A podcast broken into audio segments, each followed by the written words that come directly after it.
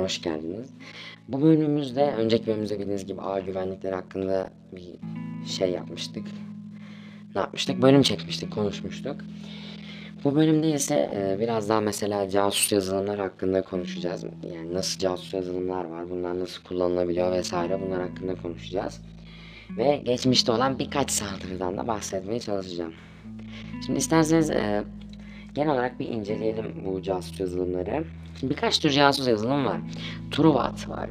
Bunlar kötü niyetli casus yazılımlar. Warn dediğimiz solucan reklam çıkaran böyle pop-up'lar vesaire o tür e, yazılımlar var. Keylogger gibi yazılımlar var. Bu arada sesim için yine özür dilerim. Sesim böyle yapma kararı aldığımız için. Bence çok tatlı ama. Yani biraz kötü olabilir ama tatlı. Tatlı tatlı. Olsun. Ama sesle ilgili düşüncelerinizi belirtirseniz belki son- sonradan değiştirebiliriz. Neyse ben tekrar döneyim. E, bunun yanı sıra Keylogger gibi yazılımlar var. Mesela bunlar Keylogger yazılımları ne işe yarar? Siz mesela klavyeden bastığınız yani bu virüs yüklendikten sonra klavyede bastığınız her tuşu hacker'a bildirir. Tabii ki bu çok tehlikeli. Sizin şifrelerinizi vesaire her şeyinizi çalabilir. Vesaire vesaire. Şimdi e, bir başta ben size bir ge- geçmişte olan bir saldırıdan bahsetmek istiyorum. Bu e, e-posta yoluyla gerçekleşen bir saldırı ve yani e-posta yoluyla gerçekleşebilecek saldırıların boyutunda dikkat etmeniz için söylüyorum. E, geçtiğimiz yıllarda şöyle bir saldırı oldu.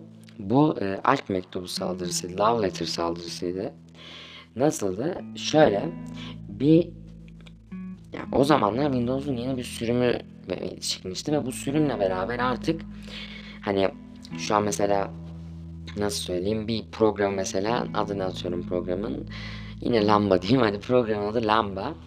Lamba.exe diye görüyorduk önceki sürümde. Bu yeni gelen sürümle beraber lamba diye görmeye başlamıştık. Windows'a bu yeni gelen sürümle. E, bu sebebiyetiyle artık programların ne olduğu çok belli olmuyordu. Yani görebiliyorsun tabii ki ama direkt gözünün dikkate çarpmıyor. Ve daha yeni yeni gelmiş insanlar alışmamış buna Şimdi bundan faydalanarak şöyle bir saldırı oluşturdular. Google'ın bir VBS sistemi var. E, Bununla kod yani içine bir kod çalıştırıyorsunuz. Şimdi bir VBS dosyası oluşturuyorlar. Ama bunu love letter yani aşk mektubu nokta txt yani metin belgesiymiş gibi gösteriyorlar. Şimdi sen bunu metin belgesi san- sanıyorsun. Yüklemen de sorun değil. Çalıştırdığın an bitiyor. Yani bunu sen TXT sanıp açıyorlar. Bir de öyle güzel süslüyor ki özellikle böyle nasıl söyleyeyim hani evde kalmış tabiri gibi değil de eee, şöyle düşünelim hani bir de böyle kafasında bir sevgili arayan kendine falan bir şey varsa böyle aşk mektubu çok ilgisini çekiyor yani ve açıyor. Çünkü e, e-postanın içeriği şöyle başlığı love letter caps lock açık yazmışlar bir de. İçerisinde de şey yazıyor. Diyerek anlattığıma bakmayın bu arada gerçekten çok tehlikeli bir saldırıydı. Boyutunu da anlatacağım birazdan tekrar. Sonrasında şöyle işte e, yani gizli bir aşkınızdan gelmiş gibi aşağıda benim aşk mektubumu bulabilirsin falan filan yazıyorlar işte. Ondan sonra bir tane de loveletter.txt .vbs yani adı loveletter.txt uzantısı ise .vbs ama tabii ki .vbs dikkat çekmiyor. .txt insanlar aldanarak bu daha alışmamışlardı yani dediğim gibi daha yeni yayınlanmış bu sürüm. Bu sebebiyle açıyorlar ve açtıkları gibi tamam geçmiş olsun çok ağır zararlar veriyor. Bu ağır zararlar nasıl? Örnek olarak bir müzik şirketisiniz e, ve bu şeyi açıyorsunuz. Tüm ses dosyalarına zararlar veriyor. Ulaşmanızı engelliyor. Hani müzik şirketi yine biraz daha alçak kaldı. Şirketler çok büyük zararlara uğradı. Yani batan, batan şirketler oldu. Basmanın eşine gelen büyük dev şirketler oldu. Yani çok tehlikeli bir saldırıydı. Tüm yani şimdi bir de şöyle bir özelliği var. Geçtiğimizde bu saldırıdan önce bir saldırı da almıştı. Onun adını tam şu an hatırlamıyorum ancak bu saldırıda siz bu şey e, programı çalıştırdığınızda şöyle bir şey oluyordu. Yani inan TXT dosyasını açtığınızda sizin e-posta listesinde 50 kişiye yolluyordu. Ama bu love letter saldırısında e-postada yani sen düşün 20 yıl önce yani o zaman 20 yıl öncesinde e-posta yoktu ama şu an olduğunu düşün. 20 yıl önce birine atıyorum bir şey sormak için e-posta atmışsın tamam geçmiş oldu ona da geçmiş olsun ona da gidiyor. Yani senin e-posta listendeki herkese yolluyor bunu. Böyle olunca çok çok yani yani vebadan hızlı yayıldı ya. Yani o kadar büyük bir şiddetle yayıldı ki yani İspanyol gribünden, koronavirüsten falan filan hepsinden kat kat hızlı yayıldı. Ve çok ağır zararlar verdi. E, tabii ki şimdi bu insanlara yayılıyor ama bir zarar da veriyor. Verdiği zarar ne? e, ses dosyalarını bozuyor, ses dosyalarına erişimi engelliyor. Önemli evraklar vesaire bilgisayarlarda barındırılıyor yani barındırılıyor sonuç olarak hem yani yani sonuç olarak oralarda saklanıyor. Tüm metin belgelerine ağır hasarlar veriyor. Word dosyalarına ağır hasarlar veriyor. Mahvediyor yani. Geri kullanılamayacak hale getiriyor bu dosyaları. Bu da şirketleri batmanın eşiğine getiriyor. Dediğim gibi yani bir e-posta o kadar tehlikeli saldırılara sonuç açabiliyor ki önceki bölümde de anlattığım gibi zaten Bangladeş Merkez Bankası'nı bir e gelen e-postayla soyuyorlar.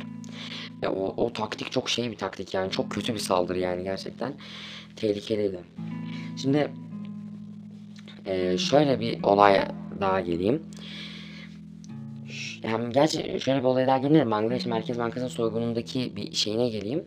Şöyle oluyor da yine önceki bölümde de anlatmıştım ama bir CV yolluyorlar. Yani şuna dikkat etmek gerekiyor. Baktığınızda bir CV olayını anlatayım sonrasında bir şey daha anlatacağım. Böyle özellikle kurumsal yerlerde çalışan insanların dikkat etmesi gereken bir şey anlatacağım.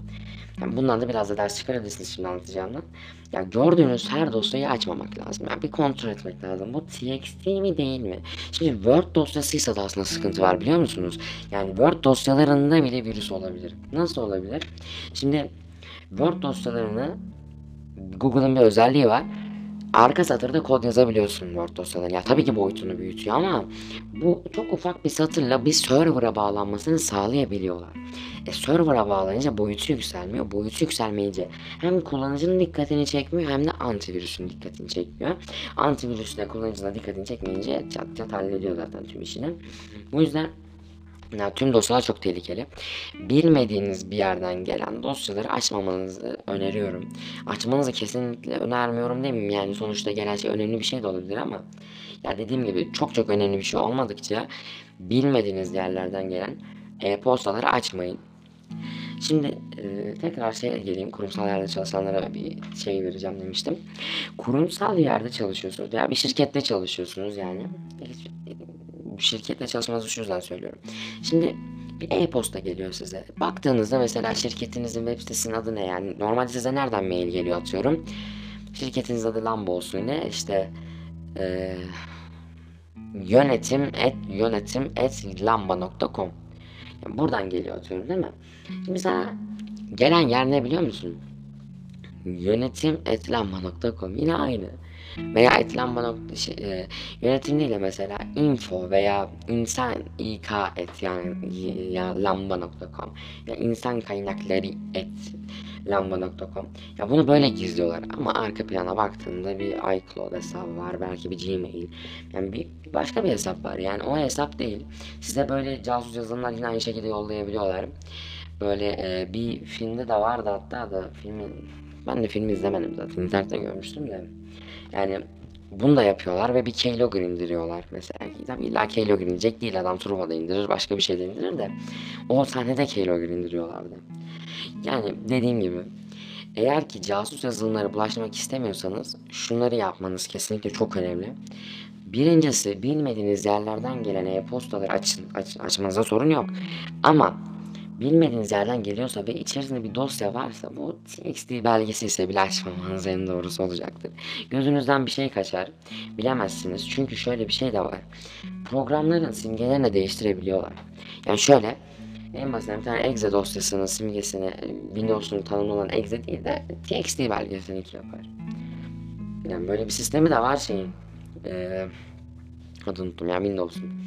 Yani e, bu e-postaların gelen kaynaklarına dikkat etmek gerekiyor. Tabii ki bildiğiniz yerden geliyorsa öyle öyle olursa yani hiç kimseye güvenemezsiniz. Bana silah mı çekecek, bana şey mi yapacak diye. Veya beni dolandıracak mı diye yani sokakta gördüğünüz bir arkadaşınıza da güvenemezsiniz. Onun gibi düşünün. Ee, onun yanı sıra özellikle ücretsiz oyun program indireceğim diye bilinmedik sitelerden bir şey indirmeyin. Yani çok tehlikeli virüsler bulaşmasa da solucan gibi böyle şey rahatsız edici kötü virüsler de bulaşa, bulaşabilir. Yani, tehlikeli yani sonuç olarak yapmayın. Ee, yani dediğim gibi bilmediğiniz yerlerden bir dosya indirmezseniz sizin için bir sorun olmayacaktır. Yani en önemli nokta burada bilmediğiniz e-posta dahi sitede, sitede olsa e-posta dahi hiçbir yerden dosya indirmeyin. Bilmediğiniz bir e-posta adresinden veya bilmediğiniz bir siteden bir dosya indirmemeniz çok önemli. Yani bugünkü anlatacaklarım da bu kadardı. Sonraki bölümümüzde neye değiniriz bilmiyorum. Onu da düşünürüz. Bölüm geldiğinde de görün, görmüş olursunuz. Kendinize e, kendinize evet kendinize o bölüme kadar iyi bakın. Sonrasında da iyi bakın da hani yani o bölüme kadar da iyi bakın. Dinleyin yani. Neyse işte dikkatli olun. Siber saldırılara yakalanmayın. Güvenle oturun. Görüşürüz. Ne saçma bir kapanış oldu bu ya.